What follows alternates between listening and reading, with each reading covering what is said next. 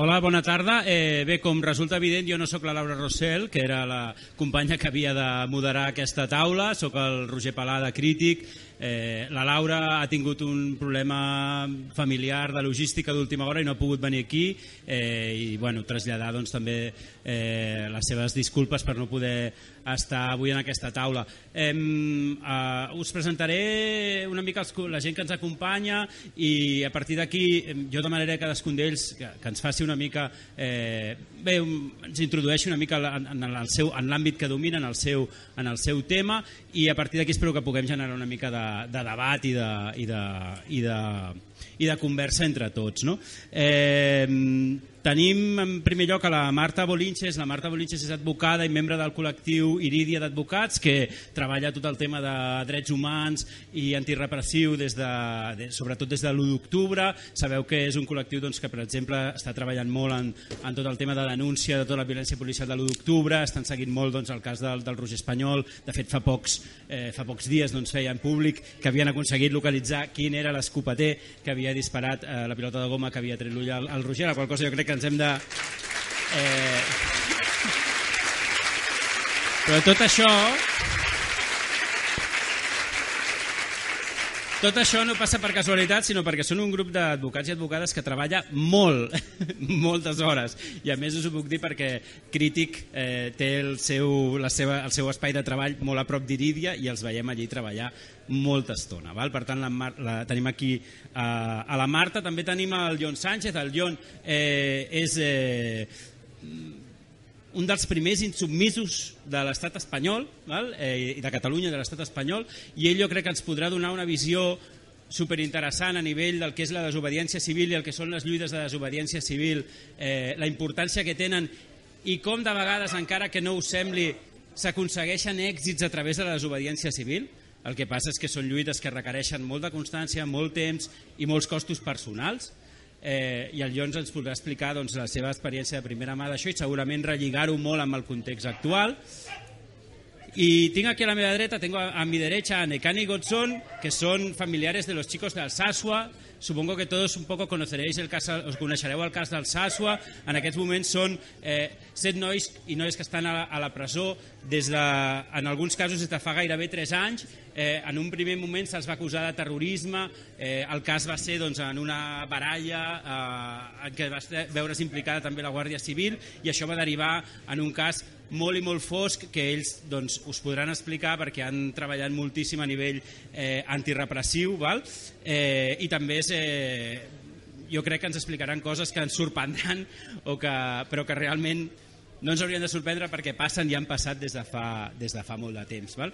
Eh, I també tenim a la Txell Bonet, la Txell Bonet és periodista, de fet una periodista de, amb molta trajectòria en l'àmbit cultural, per tant jo crec que quadra molt bé que estigui aquí en el Clownia, val? i a més a més és la companya del Jordi Cuixart, per tant ella també ens podrà donar una, una visió més en clau eh, de tot el que ha passat a Catalunya des de l'1 d'octubre, quina és la situació actual dels presos i preses polítiques, eh, sobretot després del, del judici, que és una mica el que podem esperar. Recordar-vos una altra vegada, com ho ha dit l'Anna la, abans, que aquí hi ha l'Amat i que per tant doncs, us demanaríem que no féssiu fotos i que no es difonguessin aquestes fotos, o sigui que, i que evidentment no se'n faci difusió a, a xarxes socials. Val? Em, jo volia començar per la, per la Marta perquè ella com a advocada eh, ens expliqui una mica què està passant, no? perquè jo crec que molta gent en els últims temps doncs, s'ha donat o, o s'ha fet més patent aquesta repressió d'estat no? que potser abans havia afectat de forma com més col·lectius concrets, no? però que en aquests moments doncs, té una gran presència, un impacte molt fort vivim en un context de retallada de drets i llibertats que jo crec que no afecta només l'estat espanyol, sinó que és una tendència com global, i, i m'agradaria que ens expliquessis des d'Iridia com, ho, com ho veieu, com ho treballeu i com us hi enfronteu. Bueno, abans de res, eh, disculpeu, jo volia demanar un aplaudiment perquè per mi és un gran honor compartir aquesta taula amb, amb, bueno, amb les persones amb les quals comparteixo, que són exemples, són persones que han patit d'una manera directa i molt greu eh, les represàlies i les conseqüències de la repressió política, que és el que parlarem eh, avui aquí, i que per tant són un exemple doncs, de, de dignitat i de coratge per totes nosaltres perquè al, al final han patit les represàlies de la repressió política per defensar els drets humans de, de, de tots i totes. No? Així que un fort aplaudiment, sisplau.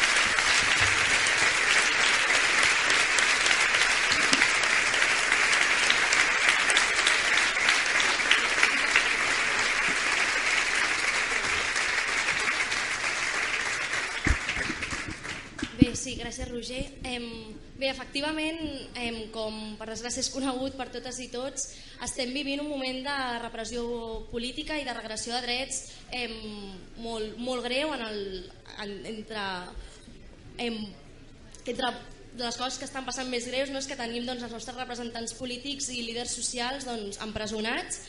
I també venim doncs, d'un doncs, d'octubre que va ser eh, una jornada doncs, on, on la violència policial, que ara com, com ara intentaré eh, parlar breument, doncs, és endèmica i forma part doncs, de, doncs, de l'estratègia repressiva de l'Estat i que ha existit sempre, però no teníem cap precedent com l'1 d'octubre d'exercici massiu de la violència policial contra la ciutadania. No? Eh, com deia, efectivament, la repressió política l'entenem com una estratègia de l'Estat per, per mantenir l'estatus quo, li diem. No? Eh, és a dir, és una estratègia estatal per aconseguir l'obediència enfront la desobediència. No? Eh, és una estratègia estatal, per tant, contra tot aquell col·lectiu, tota aquella persona que l'Estat entén que pot posar en risc els seus privilegis eh, i el seu poder en definitiva. No? Eh, per tant, la, la repressió política la exerceix l'Estat amb, amb, amb tots els seus braços, que, que en són molts. Si bé és cert, com, com deia, no? i aquí en aquesta taula doncs, en, doncs és una mostra directa i personal del que és la repressió política. La repressió política no és nova d'ara, em, sinó que la, la venim patint, la venen patint els dissidents de tot tipus, no només els dissidents polítics, també els dissidents socials, em, perquè la dissidència política s'aplica, com deia, contra, ai, disculpeu, la repressió s'aplica contra tot tipus de dissidents, i tota aquella persona o col·lectiu que pot posar en risc els privilegis de l'Estat, eh, això vol dir també doncs, les persones migrades, eh, les persones, doncs, òbviament, eh, també les persones refugiades, les persones de classe obrera, les dones, etc etc. Eh, som les, som eh, l'objecte principal doncs, de la repressió. No? Eh, no obstant, ara mateix ens hem trobat en que l'Estat espanyol ha vist en risc el règim del 78, no? algú tan, tan, tan, tan, tan important i que tan estructura l'Estat, doncs, tan estructura tots els, els poders de l'Estat. I és per això que diguéssim que s'ha despertat la fera d'aquesta manera tan ferotge i d'aquesta manera tan desenmascarada, no? en definitiva. Em, bé, en concret, pel que fa al nostre col·lectiu, pel que fa a, a Irídia, Em, nosaltres treballem en concret contra, em, per combatre la, la, la violència institucional que li diem. La repressió política, i no, no m'extendré molt, però té moltes manifestacions. No? Des de la manifestació més evident, que són les, les detencions, l'empresonament, més evident que estem patint ara mateix, però també ho és la, criminalització de la protesta en si mateix. És a dir, aquest estat un estat democràtic ha d'entendre que els moviments socials són un actor clau eh, per, per garantir la democràcia i per, per garantir els drets humans. De fet, nosaltres el que diem eh, i ens agrada doncs, donar-li força en aquesta idea és que la ciutadania, la ciutadania eh, és el garant social de, de, la, de la democràcia, ha de ser el garant social de, de, també de l'estat de dret i dels drets humans. És a dir, tenim en el moment en què els poder, el poder polític, que és en principi qui també ha de garantir no? que els drets de la ciutadania es respectin, i el poder judicial, que és un altre braç que també ha de garantir que els drets de la ciutadania respectin, no només no estan garantint aquests drets, sinó que s'estan erigint com els principals eh, perpetradors de barbaritats no? des d'un punt de vista de, dels drets humans, la ciutadania som el garant social d'aquests drets. No? Eh, bé, en aquest sentit, com deia, i, i per anar acabant, la repressió política doncs també una de les manifestacions més, a vegades no tan directes i no tan evidents, però més cruentes i més perilloses, és la criminalització de la protesta en si mateixa. No? És a dir, el, el pintar la, la dissidència o la protesta doncs, com, un, com fer-ho entendre doncs, com un perill de cara a l'Estat, de cara a l'ordre, aquest concepte d'ordre mm, que, que alguns hauria d'explicar, no? que clarament no respon als interessos de la majoria, clarament, etc. També hi ha moltes altres manifestacions de la repressió, com és per exemple la burorepressió que li diem, no? la utilització que fa l'Estat, per exemple, del, del dret eh, sancionador. Per exemple, l'exemple més exemplificador d'això és la, la famosa llei Mordassa, és un exemple claríssim de repressió, no? de quina manera l'Estat utilitza el, no només l'ús de la força legítim que té de manera clarament desproporcionada i legítim com va fer l'1 d'octubre, sinó també amb la vessant punitiva de l'Estat, que és el dret penal i el dret sancionador, l'utilitza per reprimir la població. És a dir, s'intenta amagar dins aquesta pretesa legalitat que clarament no és una legalitat, una legalitat que nosaltres qüestionem perquè no respon als drets humans i per tant no és legal res del que estan fent malgrat s'emparin en el nom de l'estat de dret i de la legalitat mm, no ens enganyaran perquè és una evidència que no vull dir que, que contradiu la legalitat no? hi ha moltes coses que són legals que entenem que en realitat eh, des de les entitats de drets humans no haurien de ser legals i contradiuen els, les garanties mínimes de drets humans com són per exemple les deportacions express de les persones migrades com són els desnonaments de, de, de famílies amb, o de famílies en general però de famílies vulnerabilitzades molt especialment, etc etc etc. És a dir, hi ha moltes qüestions que moltes manifestacions de l'Estat d'abusos legal, no? em, legals. Doncs bé, com deia, la repressió té, té moltes manifestacions, com és la criminalització de protesta, com és també l'ús de les pròpies lleis doncs, per, per, també per reprimir, eh, i en definitiva, al final, també la, la que queda és l'ús il·legítim de la força, l'ús absolutament desproporcionat que, que sobrepassa els límits de la proporcionalitat eh, i de, bueno, i de, i de i de la legitimitat que poden doncs, clarament doncs, utilitzar la força. No? Em, per acabar, simplement dir que posem molt el focus doncs, en el cas de la violència policial, no doncs amb l'actuació en aquest cas, doncs, els cossos policials, però nosaltres, per exemple, que ara estem portant els litigis de l'octubre, en concret a Barcelona, em, volem, vull dir, és molt greu el paper, per exemple, que té la Fiscalia o que, òbviament, té l'advocacia de l'Estat, no? és a dir, veiem com tots els diferents poders de l'Estat estan exercint aquesta repressió de manera doncs, estructurada i organitzada, no? en un mateix sentit clarament. No? Eh, I si no fos gràcies no només a Irídia, perquè de fet Irídia som un col·lectiu que treballem en, en col·lectiu i, per exemple, la identificació del policia que va eh, fer perdre la visió a Roger Espanyol d'un ull no hagués sigut possible si no gràcies a tota la mobilització, no sabeu la de vídeos que ens ha arribat, ens ha arribat de la gent i és que, i, aquí, i amb això acabo, si bé és cert que estem vivint una onada repressiva sense precedents en els sentits quant, vull quantis, no? Eh, si bé també és cert que estem vivint una, vull dir, una onada de protesta social brutal. La ciutadania està responent com l'1 d'octubre, vull dir, amb un exercici de dignitat i de coratge increïble i no només en el nostre cas, sinó en molts dels altres casos també, a les costes, etc. És a dir, veiem també com la gent s'està rebel·lant al moviment feminista, vull dir que no és un, és un moment de molt ànim, és un moment també d'oportunitats eh, i és un, clarament un punt d'inflexió, no? que des de les entitats de drets humans vull dir, estem encoratjats i encoratjades perquè veiem que hi ha una resposta a tot el que està passant no? i bueno, això volia acabar. Gràcies.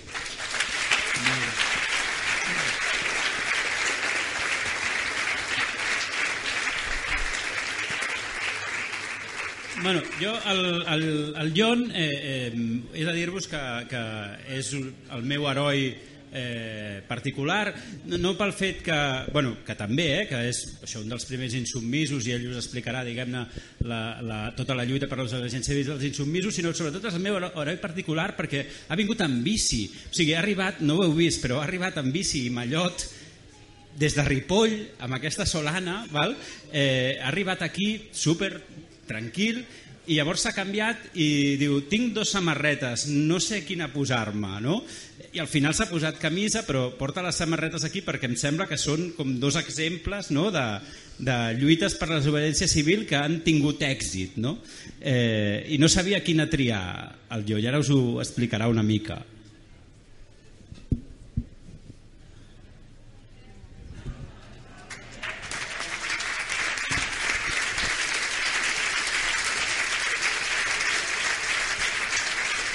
Gràcies, gràcies. Bé, jo precisament, quan parlàvem amb el Roger una mica de, de com organitzar i, i el que parlaríem avui, volíem... O sigui, el missatge principal que, que a mi m'agradaria que ens quedés a tots clars és que la desobediència civil és una eina que estem utilitzant, que utilitzen els pobles d'una manera assenyada, sistemàticament i continuadament des de que hi ha record de com es funciona amb grups humans. Això no vol dir que la seva teorització que la seva teorització no sigui relativament recent i que, però, però que és veritat que organitzadament hem fet moltes coses i hem aconseguit aturar moltes coses de forma, en, en forma de desobediència civil i teníem aquestes dues samarretes que, que, són, que són les que jo portava les alforges i, i una és la, la, la Defensem el riu i l'altra és, és la gent de les escoles que, de, de les, del dret a l'escola en català a Mallorca quan va haver-hi l'ofensiva del, del, en aquest cas del PP però és igual al final l'ofensiva eh, per, per, per fer retirar el català de les escoles no? el, el, jo volia que tinguéssim com a, aquests referents perquè a vegades em sembla com una cosa molt, molt llunyana i, i no ho és tant. Llavors abans parlàveu de desobeir i desobeir individualment és molt poderós perquè la persona que desobeeix, sigui qui sigui, sigui el teu fill que desobeeix, sigui una persona a la que li demanes una cosa i, o, o li exigeixes una cosa i desobeeix, això ja t'interpel·la i et provoca un, un, un gran, una reflexió a tu. Però ja quan ho fem col·lectivament això passa a ser la bomba, perquè arriba un moment que és un qüestionament radical, perquè és allò que fas com a grup, ja no ho fas de forma individualitzada. I aquesta, aquesta cosa tan senzilla i tan primerenca és l'arrel de la desobediència civil. A partir d'aquí podem estructurar campanyes amb, amb uns objectius clars, més o menys clars, podem estructurar els discursos d'una manera més organitzada o menys, podem definir amb gran detall o no tant el tipus d'accions que faràs i com t'organitzaràs, però al final la desobediència civil és plantejar que davant d'una llei injusta o una obligació injusta o percebuda com a injusta per un grup s'activa el que es diu una objecció, una objecció de consciència normalment, s'activa un mecanisme d'autodefensa col·lectiva per negar-se a sotmetre's a aquesta arbitrarietat, involuntarietat, el que sigui, depèn del cas. Això, i deia abans, de teoritzar, una teorització propera, eh, recent, perquè sí que és veritat que tendim a considerar com Turó el primer, el primer que, va, que va començar a introduir el concepte de la ciència civil, parlem dels moviments gandians com, com els primers moviments que, de masses que van teoritzar sobre la, la, els paràmetres que, que ha de seguir una campanya de desobediència civil, però insisteixo, jo crec que, el, que la teorització ens va bé com a marc per definir les lluites i ens ajuda, però també hem de tenir clar que això és una cosa que surt a pèl a la gent. No cal ser molt sofisticat per entendre-ho. I de fet quatre nens en un pati d'una escola munten les seves desobediències de forma sistemàtica i no passa res i està molt bé. I, i, i és una forma d'avançar col·lectivament. No? Respecte a la campanya d'insumissió, i només faig com tres pinzellades que puguin interessar i després ja amb el debat eh, obrim el que, cap on vulgueu, jo crec que la campanya d'insumissió té com tres, tres grans eixos, un que, que és una campanya no molt rígida en el seu pensament, però molt radical amb el seu convenciment, perquè és una campanya d'origen antimilitarista, és a dir, no és una, és una desobediència a ser cridat a fer el servei militar però des de l'òptica de l'antimilitarisme. I això és la que la defineix i fa molt potent el discurs inicial. Fa difícil una, una, una forma acomodatícia de resoldre aquest dilema perquè l'arrel és la, la crítica antimilitarista al model de la societat. Llavors eh, què, què li dona la fortalesa? que aquest punt de partida genera un punt molt radical que provoca que la gent digui doncs a partir d'ara nosaltres ens negarem expressament a fer el servei militar que ens crideu a fer i això el que va generant és un contingent de gent cridada a ser reprimida. I quina és la gràcia? La gràcia és que aquesta repressió no és volguda pel repressor. I això és el que provoca un gran emmirallament i un dilema. El repressor no voldria això. El repressor, aquest, aquest trobar-se amb la necessitat de reprimir-te provoca un, un problema en el, en el repressor. Això és, és un, gran, un dels grans potencials de la, de, de, de la desobediència civil en general i en aquest cas la campanya d'insubmissió provocava això. També eh, hi havia com una, una, una certa previsió de que hi hauria repressió i que aquesta repressió tindria una penalització sobre les persones i s'assumia aquest cost personal. També és una qüestió que jo crec que és important, tenir clar que la desobediència civil té un cost personal. No dic que sigui bo que el tingui, però és una realitat. I quan afrontes un model de desobediència civil no has d'obviar aquest cost. Perquè l'altre paràmetre que jo crec que és important amb la desobediència civil i que potser a tots ens hauria de fer aixecar una mica l'ànim si defallim amb qualsevol de les revoltes que, amb les que estiguem implicats és que els canvis dels estats només es provoquen per una feina molt perseverant, una persistència llarga. Normal, la campanya d'insumissió, la gent pot tenir la imatge de dir va bé, perquè ara ja ha passat temps i això la pàtina de la història ho tapa tot, doncs això va ser un munt de gent que va decidir deixar de fer el servei militar i el de poc, doncs, bueno, sí, va entrar algú a la presó i tal, però el de poc l'Estat doncs, va canviar això i ja està. No, no, van passar uns anys de campanya d'insumissió, hem passat milers de dies, de, bueno, milions d'hores i de dies de condemna de persones, hi ha hagut dos morts a la campanya d'insumissió, entre reixes, vull dir que, que són dades que són importants tenir presents, però que la persistència és l'essència d'aquestes campanyes també.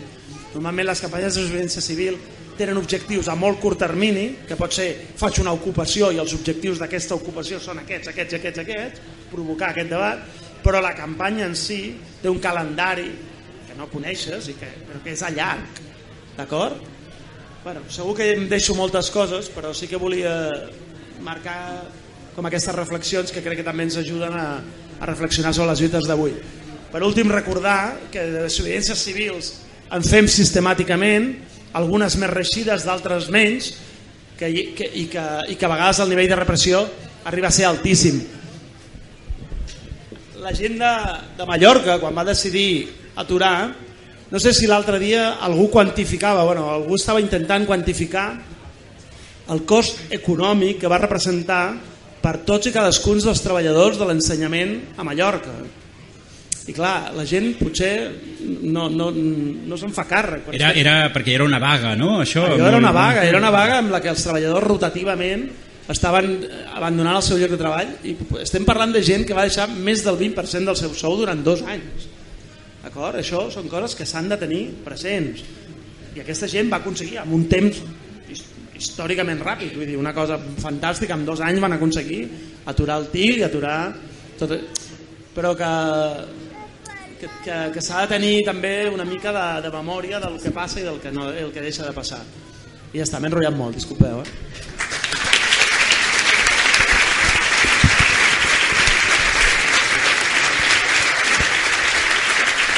Molt bé, Després segur que...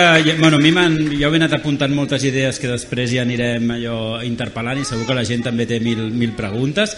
Eh, y ahora la Nekane y Gotzón eh, nos explicarán un poco el caso de, Alsasua, eh, un caso que yo creo que, también aquí en Cataluña está llegando mucho e interpelando mucho, pero que, realmente tiene pues un origen eh, muy, muy concreto, muy especial, ¿no? Y que en este momento tiene unas consecuencias muy dolorosas, porque estamos hablando de siete personas en prisión, ocho eh, imputados en total. En algunos casos más de eh, casi ya tres años en, en prisión, con una condena eh, que aún no es firme porque está pendiente de ratificar por el Tribunal Supremo, pero que y que parece que el tema del terrorismo pues ha caído, ¿no? Finalmente, porque inicialmente pues esta eh, pelea de bar pues se acabó acusando uh, de terrorismo, ¿no? Lo cual parece eh, bueno algo como bueno incomprensible, ¿no? Pero que pasa, ¿no? Y, bueno, yo creo que Nekane y Golson nos expliquen un poco el caso y, cómo está ahora esta, situación de los chicos de Alsasua. Right. Right.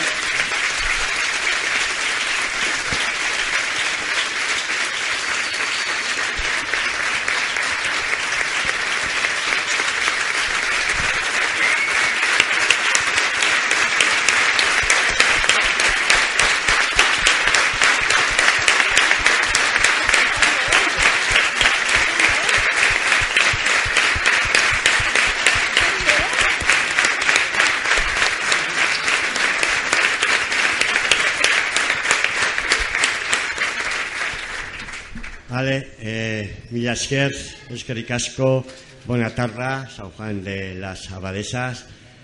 Eh, molte grazie.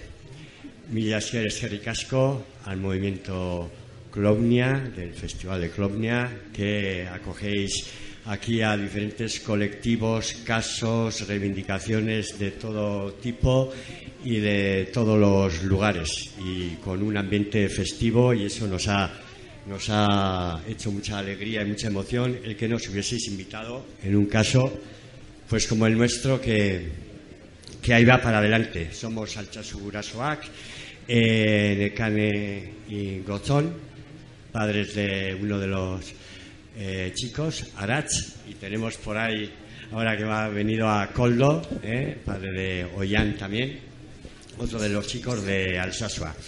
Os damos también las gracias de parte de la plataforma de Alchasucoa Casque de Alsasua y bueno, pues llevamos este camino de se van a cumplir casi eh, tres años en noviembre del 2019 llevamos un largo camino entre todos y todas y bueno, por lo menos estamos avanzando con dolor sí, pero con esperanza también, sobre todo por la solidaridad que estamos recibiendo desde el mismo pueblo, desde Alsasua, que se ha extendido a todos los lugares y aquí en Cataluña no es la primera vez que venimos y que recibimos y que vais allá vuestra solidaridad.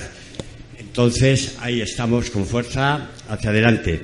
Eh, estamos Mecane y yo, entonces lo haremos un poco breve y deciros también que no somos así, estas cosas nos han tocado por eh, esto, entonces que también preferimos, eh, bueno, preferimos que nos hagáis preguntas o que cualquier duda que tengáis podamos, de alguna forma, si podemos contestarla. Como sabéis, el 15 de octubre comenzó de 2016, fue una fortuita, pero siempre hemos dicho lamentable pelea o bronca o trifulca en una noche de fiesta, que desde el primer momento nunca hemos pedido impunidad, siempre hemos pedido que se aclarasen las cosas porque unos estaban, otros no estaban, no se sabe cómo sucedió, las dos partes estaban en esa noche de juerga y desde el primer momento los jóvenes se presentaron a la audiencia provincial de Pamplona que porque querían explicar lo que había sucedido. Lo que de, en un momento eh, lo que había sido una pelea una pelea de bar sin más que la propia Guardia Civil y Policía Foral en sus dos primeros atestados lo definió como eso, pelea, sin más, eh, de alguna forma por eh, un montaje desde el primer momento, lo hemos dicho también, y interesadamente creemos, se convirtió en algo eh, que se calificó de terrorismo. A, a, partir de la denuncia de una sociedad de víctimas del terrorismo que fue COVITE, una sociedad que fue COVITE y que hizo cambiar de la noche a la mañana eh, la primera definición como pelea de bar de ese, de ese caso. Empiezan a aparecer listas con nombres de jóvenes del pueblo. Los jóvenes, como he dicho, se presentan voluntariamente a declarar ante la audiencia y la jueza de la audiencia provincial no les toma declaración, pero queda constancia de ello. No estaba en ese momento o estaba en, el juicio. En ese mismo octubre, eh, vista ya, se veía, se veía cómo se estaba montando todo aquello, eh, se empiezan a aparecer listas con, con nombres de gente del pueblo y entonces el pueblo se manifiesta ya en octubre en octubre aparece COVID a hacer su eh, su aparición allá y el pueblo, sin hacer ningún caso, sigue creyendo y pidiendo que se investigue el caso y estando con sus jóvenes. Es de anotar, cuando hablo de solidaridad, que desde el primer momento en el pueblo, como digo, que luego se ha extendido a todos los lugares, eh, esa solidaridad la pudimos constatar, pero muy de cerca, en la calle entre gente de todas las edades y entre gente de todas las ideologías. Eh, se comienza en la televisión, comenzamos a sufrir un montaje mediático y mediático en las televisiones, en los medios de comunicación, porque empiezan a aparecer eh, los jóvenes, nuestros jóvenes, ya no como presuntos ni nada, sino con las fotografías que conocemos siempre, eh, sobre todo allá en, en, Euskadi en los años en los años de plomo, en los años duros, eh, y aparecen los jóvenes como si fuesen pues, eh, sin ningún tipo de presunción de inocencia.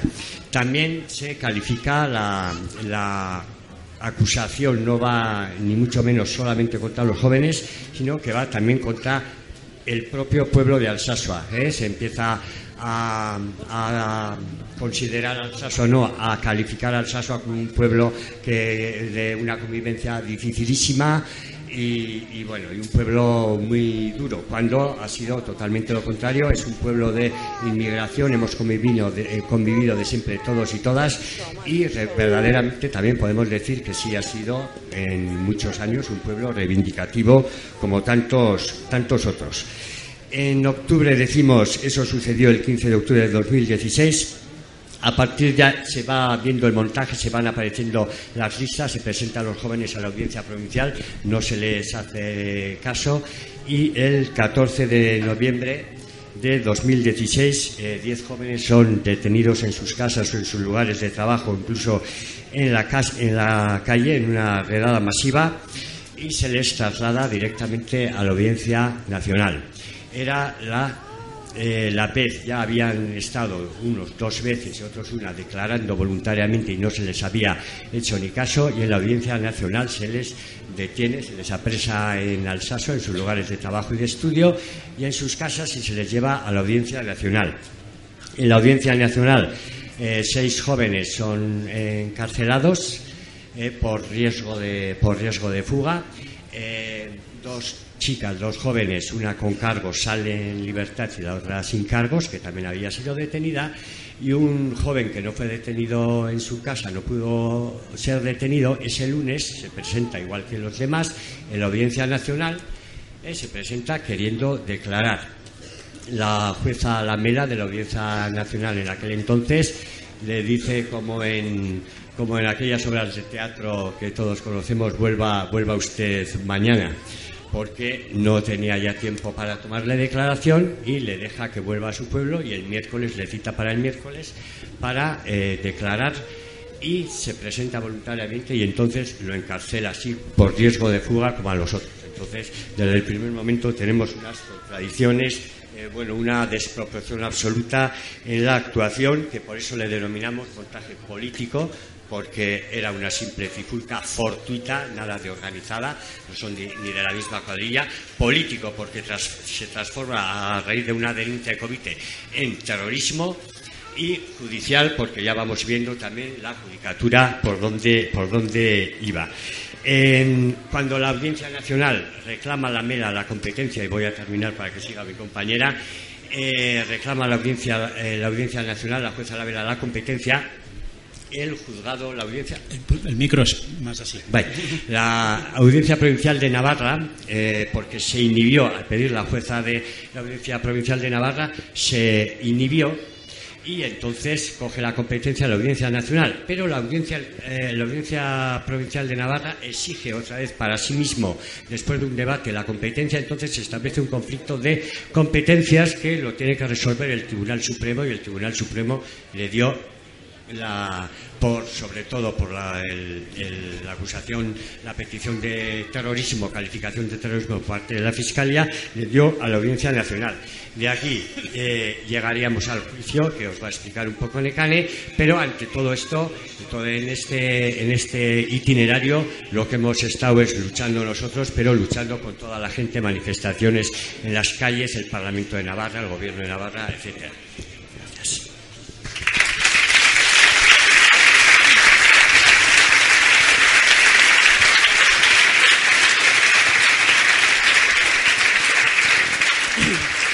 Bona tarda, Sant Joan de les Abadesses i moltíssimes gràcies per convidar-nos a aquest acte.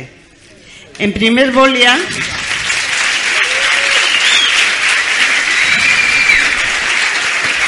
En primer volia agrair-vos en nom de Alchazu Gurasoac la vostra solidaritat i ayuda. Soy Nekane, la madre de Arach, uno de los jóvenes imputados en el caso de Alsasu. Sí, y siento no poder dirigirme a vosotros en catalán. Brevemente os voy a explicar la situación actual del caso. Tres de los jóvenes que están en la cárcel llevan dos años y siete meses. Los otros cuatro inicialmente fueron encarcelados, estuvieron 36 días en régimen FIES, les soltaron a los 36 días y fueron vueltos fueron otra vez encarcelados el 5 de junio del 2018. En este momento llevan un año y dos meses en la cárcel. Están todos ellos en Zaballa, la cárcel de Álava. Todos también están por riesgo de fuga y en prisión preventiva. El recurso se ha ratificado, aplicado anteriormente a, excepción de Iñaki, uno de los presos que tenía un error en la sentencia y de nueve años se le corrigió a seis. El resto está igual. Ah, hubo, en la sala de apelaciones, hubo un recurso de una recusación. Dos de los tres miembros de la sala de apelaciones esa es la sala que, revisa el recurso, estaban condecorados por la Guardia Civil. Lo lógico es decir, mm, se acepta o no se acepta la recusación, pero en este caso nos pusieron una multa a cada uno de los que hicieron la recusación de 600 euros por mala fe. Eh, esto también pasó en el juicio. En el juicio eh, los abogados solicitaron que se anulara el juicio porque la presidenta de la sala era juez y parte. Hay que tener en cuenta que la presidenta, Concepción Espejel, está casada con el coronel de la Guardia Civil, bueno, con uno, y, y condecorada por el ministro de Interior con la Orden del Mérito a la Guardia Civil. Con esto es imposible pues, ser imparcial. El juicio se celebró en abril y en mayo los testigos, las pruebas, la defensa, dejaron perfectamente demostrado y desmontaron los argumentos, incoherencias y mentiras, también irregularidades de la acusación, aunque la sentencia no, ha hecho ningún efecto. Las penas son las, las más altas, dos, seis, nueve, diez, doce y trece años de condena, por una pelea de bar a las cinco de la mañana en el año 2016 hubo 9.571 casos de similares características en todo el Estado español y estos se saldaron con una multa y poco más. El único caso que se consideró terrorismo fue el de Alchazú. El 23 de febrero se celebró la vista eh, de este año, del 19, y eh, ya la Fiscalía, la acusación, COVITE, ya no consideran que hubo delito de terrorismo. Claro, hay que reseñar que si no fuera por este motivo, el juicio se, hubiera celebrado en la Audiencia Provincial de Navarra y no en la Audiencia Nacional, con lo que eso conlleva. En este momento, como mm, quieren quitar eso, pero quieren mantener los años, han incluido como agravante por delito de discriminación ideológica y piden pues que se mantengan los años que pedían hasta ahora. Eh, esto, pues, eh, pues como podéis comprobar, es una, es una barbaridad, ¿no? No ha habido ni presunción de inocencia, lo han comentado antes. Eh, hay, os puedo decir algún ejemplo así muy rápido porque tenemos como muy poco tiempo. Eh, una de las mujeres de los guardias civiles decía en el juicio que ella no podía ir al Sasua, que tenía que ir, estando embarazada, a Echarri, a un pueblo, a hacerse la revisión ginecológica. Pero es que da la casualidad de que en Echarri está el centro ginecológico de la Sacana. Ella y todas las mujeres de la Sacana tenemos que ir ahí a hacernos las revisiones. Eh, las ruedas de reconocimiento fueron escandalosas.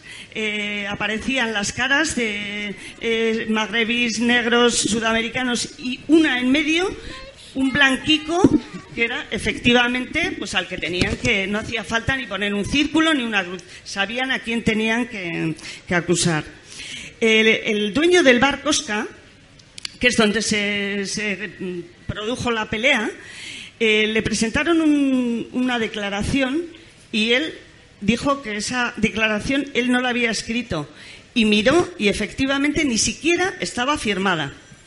Lo que pasa es que son momentos muy difíciles, en un juicio te puedes acelerar, no sé qué. Bueno, pues él efectivamente estuvo listo y se dio cuenta. O sea, querían eh, colar una declaración que ni siquiera estaba firmada. Tenemos miles de casos que, y, de, de, de, de, detalles que podríamos estar mucho tiempo, pero bueno, era solamente pues para que conocierais un poco de cerca el caso y, y lo entendierais un poco mejor si cabe. Es que ricasco.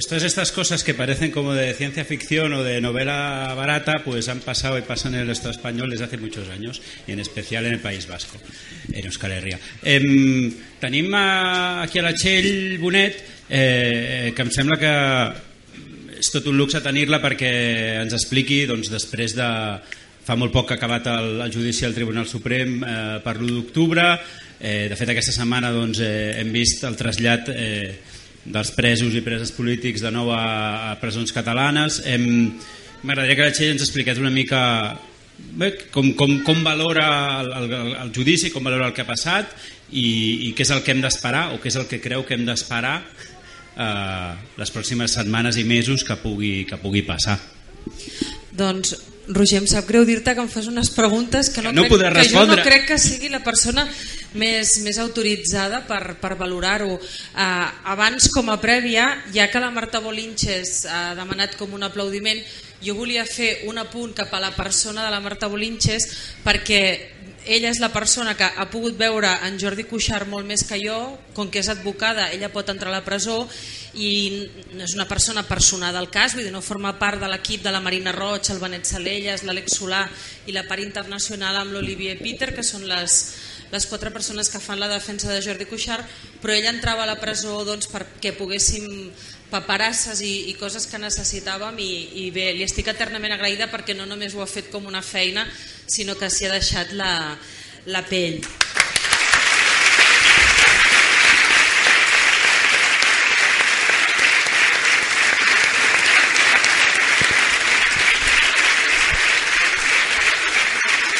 I, i he parlat de la Marta perquè, clar, la Marta ha fet una feina concreta i gràcies a ella jo he tingut més comunicació amb el meu company, però en el cas que, que em toca a mi, com si diguéssim, eh, representar i la pregunta que tu em fas, penso que hi ha d'una banda realment eh, molta informació, molt tertulià, molts punts de vista, vull dir, podeu posar cadenes des de la BBC fins a cadenes catalanes fins a les espanyoles per tenir diferents punts de vista, però també és un cas que, que jo si estic avui aquí a mi se'm fa incòmode com per representar Jordi Cuixart o com per representar a nou presos i preses polítiques. Penso que és una cosa que transcendeix a molta més gent. Ell ha parlat del cas de Roger Espanyol, però vull dir, l'1 d'octubre es va fer entre moltíssima gent i penso que si una cosa té aquest cas concret és la magnitud, no és una cosa que se'ns se'ns escapa. Llavors, quan parlaves de, del balanç com de, del judici, Clar, és que jo prefereixo quedar-me amb reflexions de, per exemple, també Iridia ha col·laborat amb aquesta entitat que és el International Trial Watch, que de fet, igual que Iridia, també necessita fons. Penseu que han coordinat que gent de tot el món vinguessin a, a observar el judici i que per molt que el Tribunal Suprem no volgués acreditar com a observadors internacionals aquestes persones, la seva feina no caerà en, en saco roto. Uh, jo mateix aquest dimarts estava a les Nacions Unides a Ginebra amb una xerrada parlant del dret de llibertat d'expressió i manifestació violat a l'estat espanyol i una de les persones convidades a la xerrada de les Nacions Unides era una d'aquestes observadores internacionals que, que ella no és la dona de ningú, que ella ho explica perquè és la seva professió, no? i això em sembla important. Però després, quan ja em fas aquesta pregunta de la bola de cristal, no el programa meravellós, sinó la bola de cristal aquesta de, de què passarà, jo només et puc parlar sempre del que està passant aquí ara. Si penso que el meu company i la, la, la resta de presos i, i jo a nivell personal podem portar amb serenitat aquesta situació és perquè, com molt bé ha dit el Llon, i avui, en una societat que apretem un botonet i el missatge arriba a Austràlia i ens pensem que ens han de contestar eh, amb la mateixa rapidesa que la tecnologia ho pot fer sense pensar que hi ha un ser humà a l'altra banda, ell parlava de que bueno, mm, la lluita social té de tot menys immediatesa. No? Llavors, la lluita social té de tot menys immediatesa, però jo necessito aquesta immediatesa perquè el moment present és el que puc estar lluitant i defensant. I penso que després de molts dies quotidians, després de molts petits gestos eh, passarà una cosa més gran. A mi sempre em pregunten com si hi hagués una única cosa que serà el desllorigador. No? Eh, el Tribunal de Luxemburg reconeixerà que el senyor Junqueras eh, se li estan violant els seus drets polítics d'ell i de totes les persones que el van votar i llavors com que haurà de sortir en llibertat sortiran tots eh, al final passarà que anirem a Estrasburg després de dos o tres anys que el Tribunal Constitucional ho aturarà i llavors a Estrasburg reconeixerà que s'han violat drets fonamentals sempre sembla com que la solució hagi de venir per una banda i és igual que es va fer possible l'1 d'octubre, no només per, perquè el govern volgués, sinó que van començar totes les votacions populars a Arenys i a pobles del Maresme, aquí quan hi hagi un canvi eh, es produirà per moltíssims factors que vindran de moltes bandes. I faig meva eh, les paraules de Jordi Cuixart quan diu que no té pressa de sortir de la presó. A veure, de ganes ens en morim d'estar junts, però evidentment en una situació tan col·lectiva i que apela a uns drets tan bàsics el que no podem pretendre és tenir com, com una pressa per voler pensar que podem arreglar les coses amb, amb, d'una manera ràpida perquè és que seria posar un, un pedaç perquè realment aquí ens hi juguem alguna cosa molt, molt més bèstia no? és que és una cosa, en el seu cas que no és representant polític ni, ni ha hagut de, de declarar cap independència estava fent, jo podria, aquí, qualsevol de les persones que estan més o menys per aquí, podria estar asseguda aquí on estic jo, o podria estar, que no li desitjo a ningú, amb aquesta presó preventiva de Jordi Sánchez i Cuixart, perquè ells estaven exercint el seu dret a manifestar-se el dia 20 de setembre, com ho van fer 40.000 persones de manera física, moltes més doncs, en ment,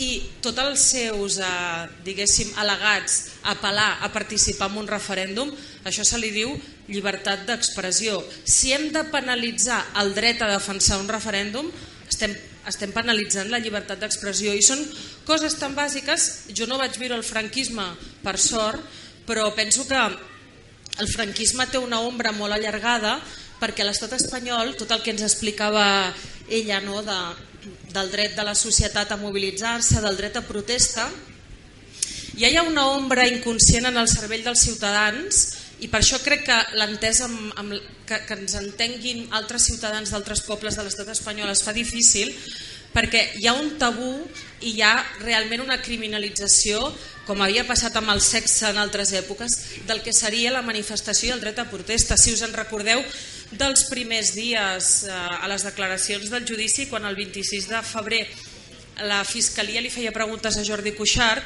li deia, pero usted lo que quería es que las manifestaciones fueran masivas i aquesta paraula manifestaciones i massives era com si fos un crim. I ell va contestar, em sembla, no ho recordo i si no és igual, servirà per igual l'expressió. També volien los tres de Colón que la manifestació fuera massiva. O és que quan montes un sarau tu no vols que sigui el màxim massiu possible. Llavors si repasseu les preguntes de la Fiscalia el dia que va interrogar Jordi Cuixart veureu que ja és una cosa no només de la mala fe de l'Estat, de la repressió de l'Estat, sinó que en la seva idiosincràsia, en el seu subconscient, la manifestació és un perill. Hem parlat molt de l'estatus quo de l'Estat, però penso que en un moment com l'actual, en què tot està interconnectat, l'Anna Palou quan feia la, la introducció deia bé, ara no parlarem de l'estat del planeta i tal, bueno, tot, tot està interconnectat, no? Penso que eh, mai el capitalisme i l'IBEX 35 han fet tan mal, és a dir, arriba un moment que les empreses i les multinacionals privatitzades a Espanya tenen més poder que aquest estat. M'agradaria moltes vegades veure quan hi eren aquestes cimeres la senyora Merkel i el senyor Pedro Sánchez eh, realment de qui són esclaus, si d'ells mateixos o d'aquests lobbies, i tota aquesta intoxicació mediàtica que estan vivint la gent del Sasso, que en un moment en què molta de la Cale Borroca que potser ens va arribar tampoc era Cale Borroca, però que es vol, en una època on no hi ha Cale Borroca, es vol tornar a parlar de terrorisme de poble i, i crear tot aquest fantasma que han estat víctimes els, els nois del Sasso, penso que si ells han sigut víctimes d'aquesta intoxicació mediàtica, en el nostre cas també també és molt així i a vegades es fa impossible, vull dir, eh, tot el que va passar el 20 de setembre, és que fins i tot, no només a les televisions espanyoles, en el mateix Tribunal Suprem no es subtitula. És a dir, estan veient un, unes crides a dissoldre una manifestació o a, a la pau i tampoc es, es subtitula, amb la qual cosa, bueno, és que ja et dic, eh, no, no, vull, no vull parlar de res més, només dir que tota repressió porta una contrarrepressió, això és com la censura. La pitjor censura és l'autocensura, perquè la censura d'estat o la censura institucional el que fa és que la gent es mobilitzi. A les fotografies del Santiago Sierra, si no se les haguessin censurat, no haguessin fet la volta al món, perquè han fet literalment la volta al món. Si aquestes persones no haguessin entrat a la presó, potser aquest moviment de solidaritat i de presa de consciència ciutadana tan bèstia no, no ens hagués passat. És a dir, que jo trobo eh, perquè penso que les situacions de repressió, com que no apel·len només al senyor Jordi Cuixart o a un ciutadà, apel·len a, a moltes més coses, afortunadament encara tenim aquesta contrarrepressió de la, de la força del poble. Però quan el jo em parlava d'aquest 20% d'aquests, eh, per parlar d'un cas, no? el Jordi Cuixart és doncs, la, seva, la seva llibertat física, perquè a nivell personal és molt lliure, però el, el sou que, que van renunciar perquè o ell a la seva llibertat, tots els insumisos, que és una passada de moviment, has de pensar sempre, val, però si jo no faig aquestes vagues, si, si jo no renuncio aquest 20% del meu sou, si jo no utilitzo, com van fer els insumisos i els objectors, la presó per denunciar que estic en contra de lleis injustes, hi ha un moment que allò tu ja no ho pots atrapar. No? Això és com comprar les coses barates de l'altra punta de món però que realment no són barates perquè d'aquí un temps els nostres fills pagaran el cost no? d'aquest de, descalabro que hi ha hagut energètic. Això no ho fa. No hi ha cap ocell del món que se'n vagi al Perú a buscar pinyes i se'n torni a Catalunya a, a cagar-les. No? Nosaltres, si nosaltres portem les pinyes de, del Perú, allà se'ls hi ven molt, se'ls hi compren barates, però vull dir que després tot aquest petroli, tot aquest desgast de medi ambient, tard o d'hora el pagarem. És a dir que tot i que és una putada el 20% del sou d'aquests eh, professors mallorquins, no es podria pagar amb tots els diners del món en el moment en què la llengua catalana ja s'hagués perdut de les institucions. És a dir que, clar, evidentment vivim en la societat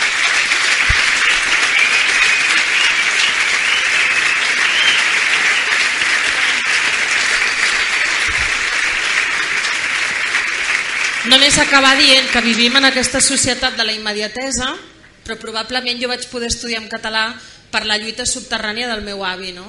i que no ens en donem compte, ho volem tot com hi ha, i alguna cosa tindrem, no us preocupeu, però hem de pensar en què potser doncs, és per altres el que fem, com ja, altres ho van fer per nosaltres. Hi ha un... Ara, per, per ja obrir una mica de, de conversa, però jo et volia tirar també un, un tema, que és que, bueno, jo jo crec que tothom va estar seguint moltíssim tant la primera declaració del Jordi a preguntes de Fiscalia com l'al·legat final. No? De fet, eh, hi va haver una de les, de les coses que va dir ell eh, en, en el seu al·legat final que, que pot semblar que és potser una de les coses menys polítiques que va dir, però que a mi em fa l'efecte que és tot el contrari, que és igual el més polític que va dir, no?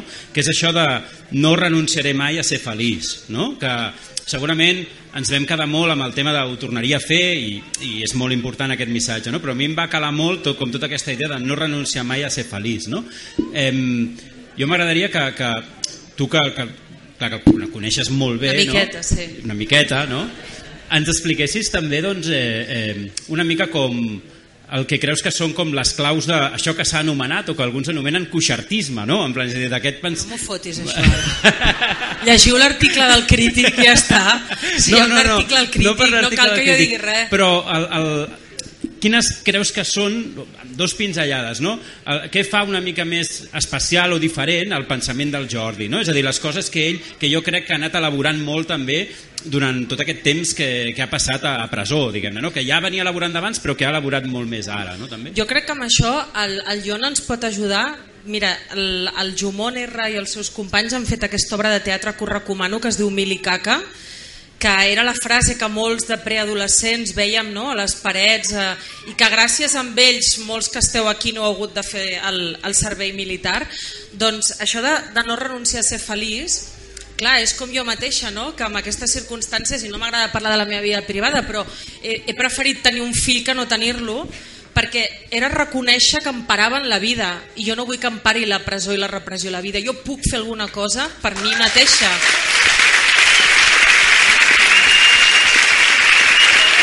I lo de... No, hi ha molta gent que té fills en circumstàncies molt pitjors, creuant, creuant el Mediterrani les dones tenen fills i creuant Àfrica, vull dir que el meu no és res, res de res. Però el somriure de Jordi Cuixart al Suprem és com dir, no, és que no m'esteu putejant, no m'esteu putejant perquè jo li donaré la volta a aquesta presó i aquesta presó tindrà un sentit que servirà per denunciar. I és el que van fer els, els objectors. Ells, el fet d'anar a la presó era per, per utilitzar la presó com a denúncia, no? Sí, és que és una eina fonamental de la desobediència civil. La, la desobediència civil es basa en això.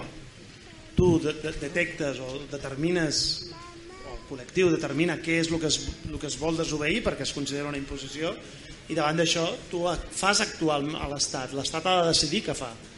O permet la dissidència, amb la qual fa inviable l'aplicació d'aquella llei que s'ha considerat injusta i de facto ja està, perquè si, tu no, si l'Estat no provoca no, no, no, no fa repressió la gent massivament, com acostuma a haver-hi consens amb això, doncs deixarà d'obeir aquesta llei i si l'Estat fa repressió li obliga a posar-se en aquest mirall. Vull dir que és, que és, és una realitat que, torna, que dona la volta. I aquí tornem al turó, a mi m'ho perdonareu, eh, però...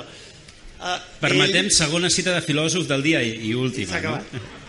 Ell, quan ve un amic a visitar-lo a la presó, l'amic li pregunta què fas tu aquí? I ell li contesta, el que t'has de preguntar és què fas tu on estàs tu i no aquí. No? Doncs aquest és la, el mirall no? que, que provoca i que, i que, necessita, que necessita com a motor la pròpia la desobediència i la, i la, i, i la, bueno, la, la possibilitat o el potencial de canvi que té la desobediència.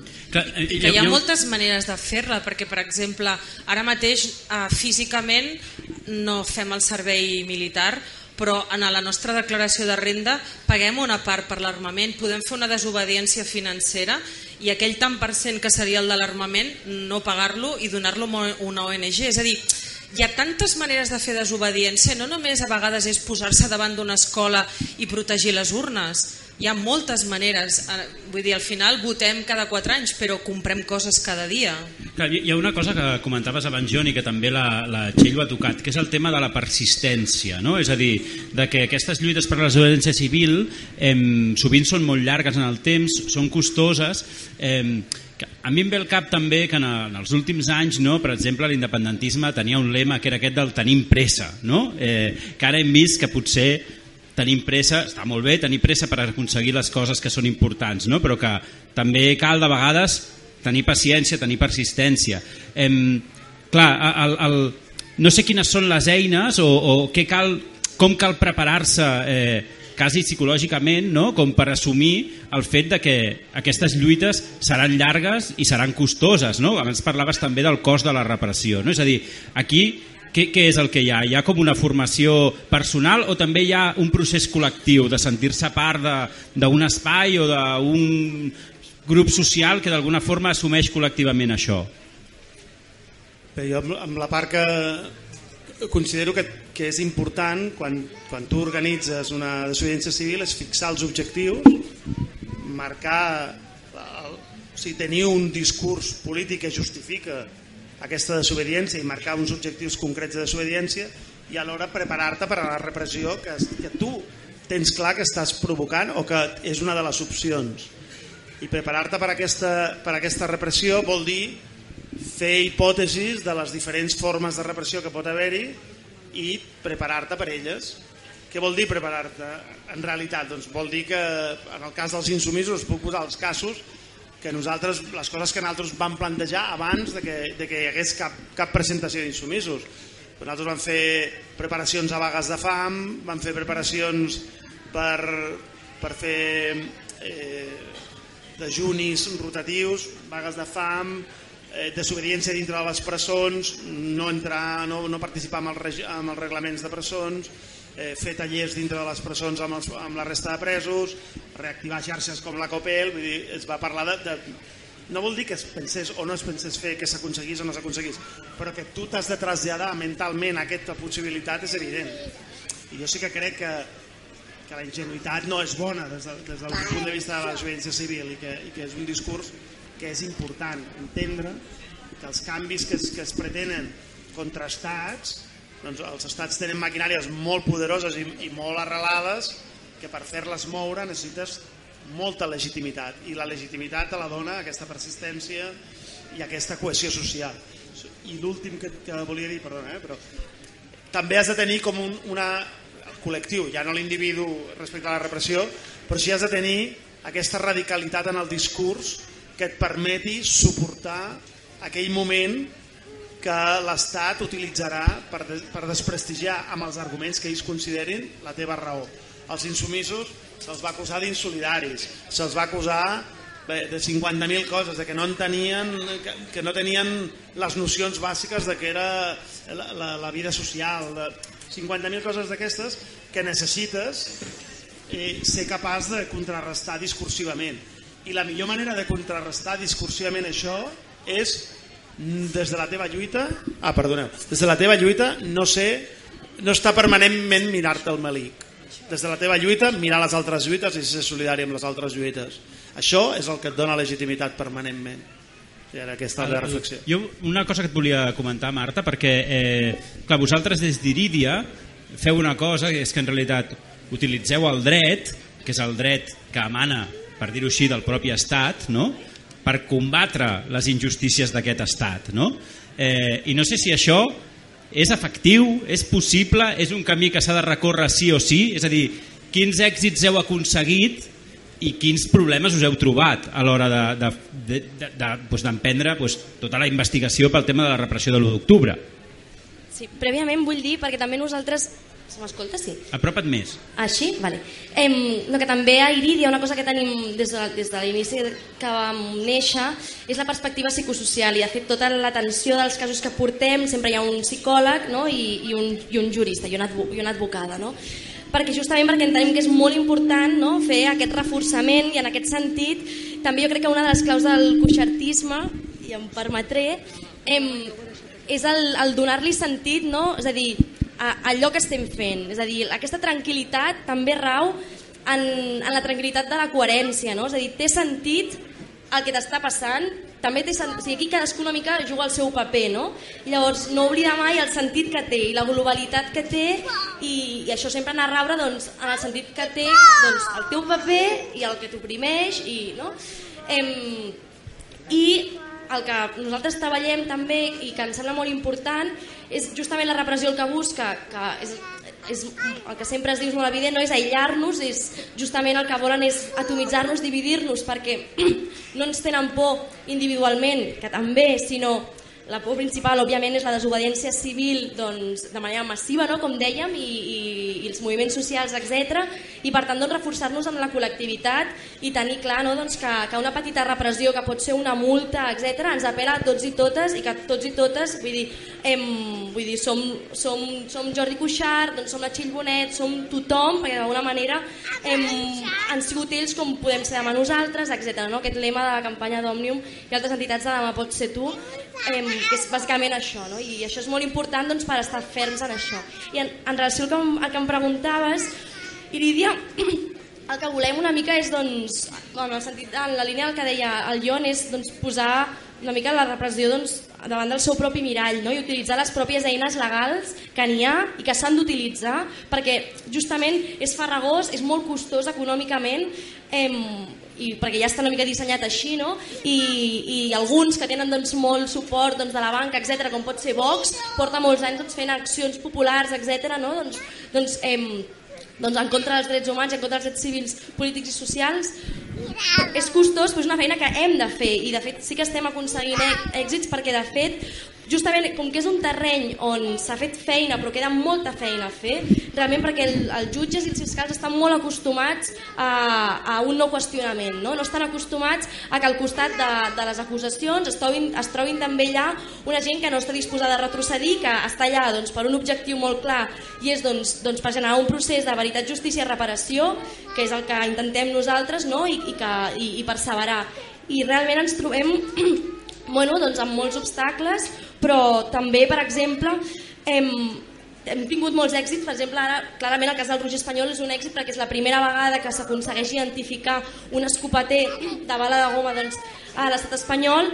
I, i no només aquest, sinó que també, doncs, per exemple, a les presons catalanes doncs, hem, hem fet una feina bastant aferrissada contra el règim d'aïllament, doncs, que també la presó en general, i per sort i per desgràcia, doncs, tot el procés i l'empresonament dels presos polítics ha destapat una mica aquest tabú, però segueix sent un tabú molt, molt fort, la presó i el que passa dins de les presons, hem, i doncs, també doncs, hem aconseguit doncs, posar una mica de llums i taquígrafs, vam, hem, vam aconseguir que es creés un grup de treball al Parlament per parlar de, de, de, sobre el DERT, sobre el règim d'aïllament, etc. ¿no? És a dir, anem aconseguint coses.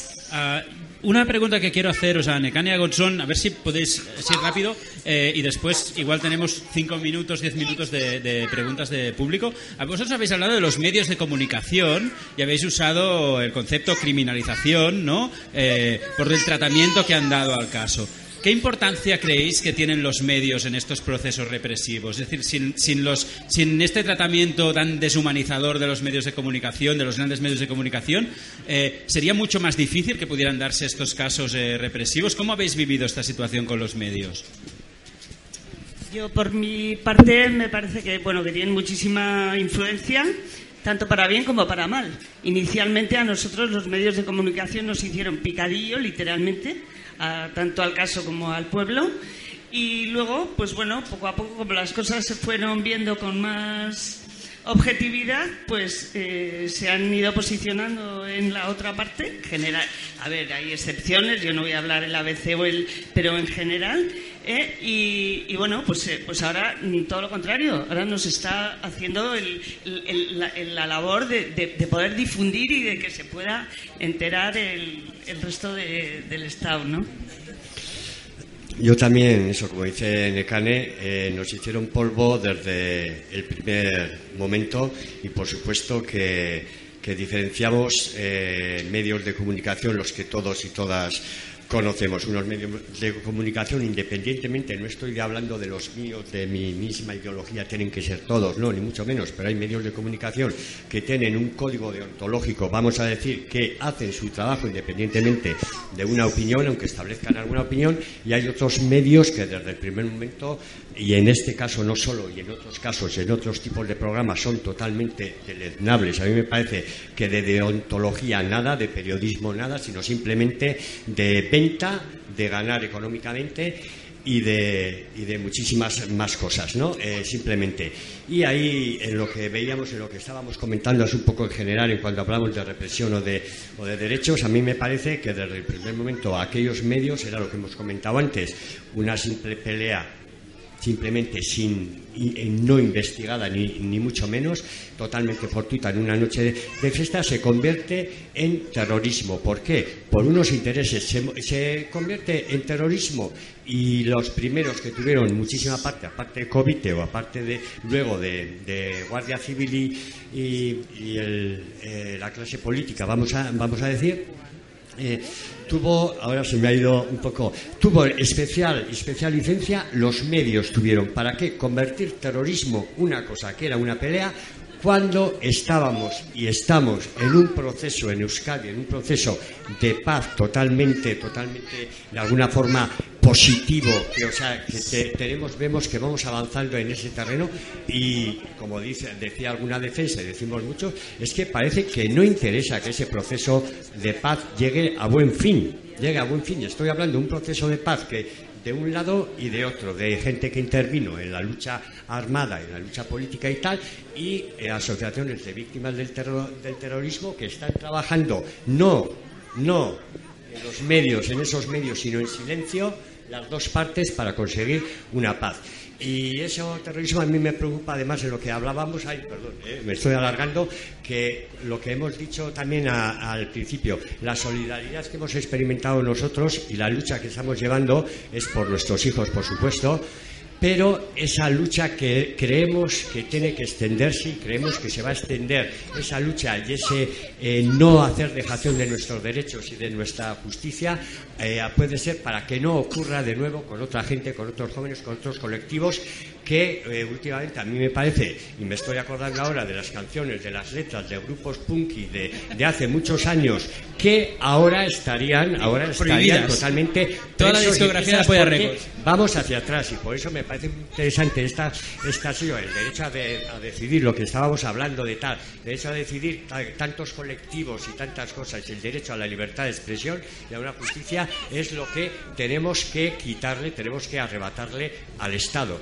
¿eh? al Estado a colectivos y en solidaridad y la solidaridad es impagable y solo como decimos solo se, se puede pagar devolviéndola a los colectivos que la necesiten.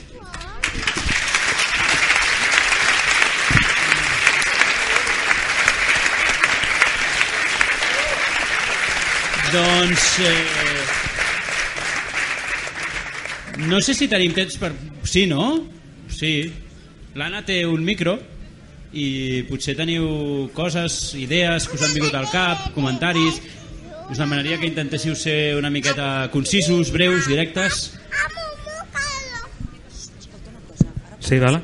Hola, el meu nom és Joaquim Roquer. Primer de tot volia, volia mostrar la meva admiració per tots els que esteu aquí a la taula, per tot el que defenseu.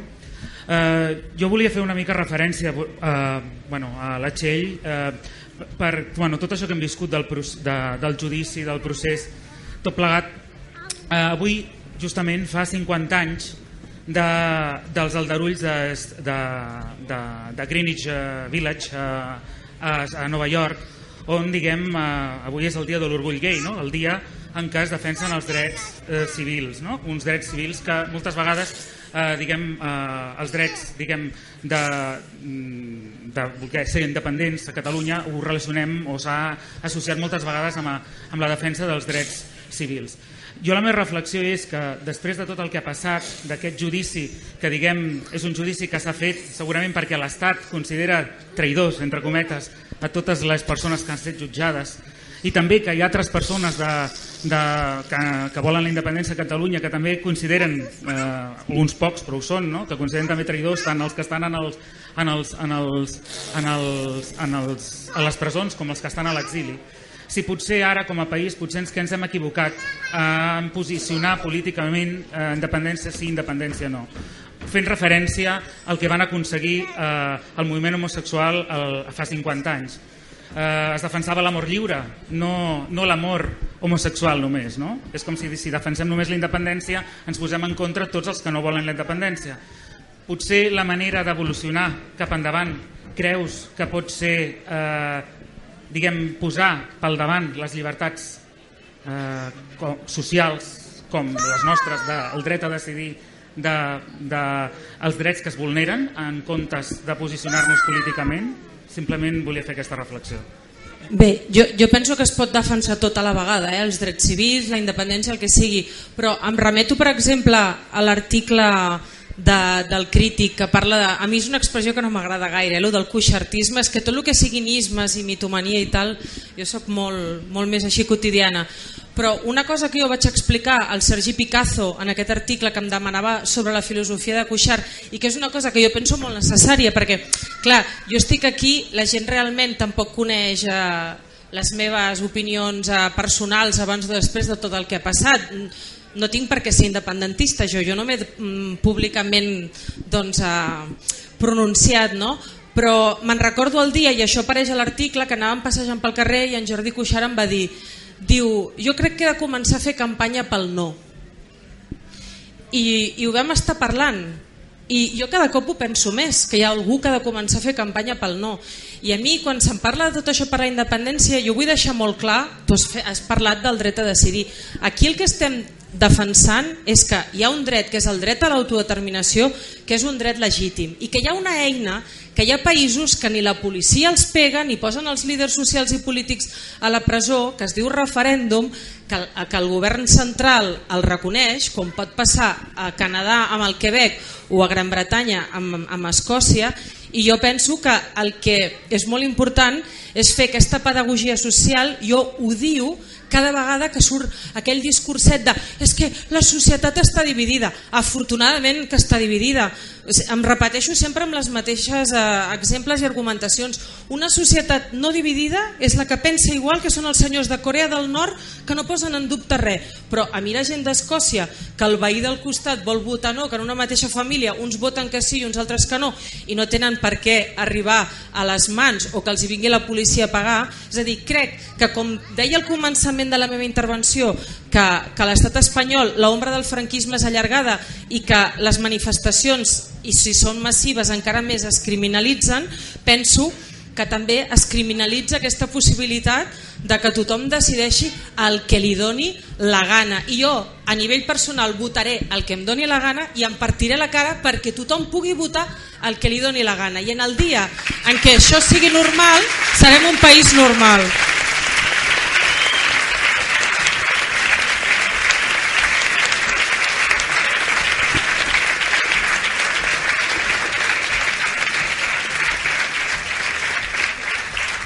Sé si teniu algun altre punt, aportació, comentari perquè si no potser ho anirem deixant. I jo pues, agrair molt a tots els que esteu en aquesta taula eh, i en especial doncs, a, a les persones doncs, que venen en representació de, de, dels que han patit o pateixen directament la repressió política. Eh, i res, doncs, eh, agrair-vos això, jo crec que ha estat enriquidor i divertit tot plegat. Moltes gràcies a tots i recordar-vos també, bueno, us explicarà l'Anna, no? però que l'Espai Consciència no s'acaba sinó que continua i demà hi haurà més, més tallers, més, eh, més debats i que podrem seguir disfrutant també d'aquest espai del Clownia. Merci.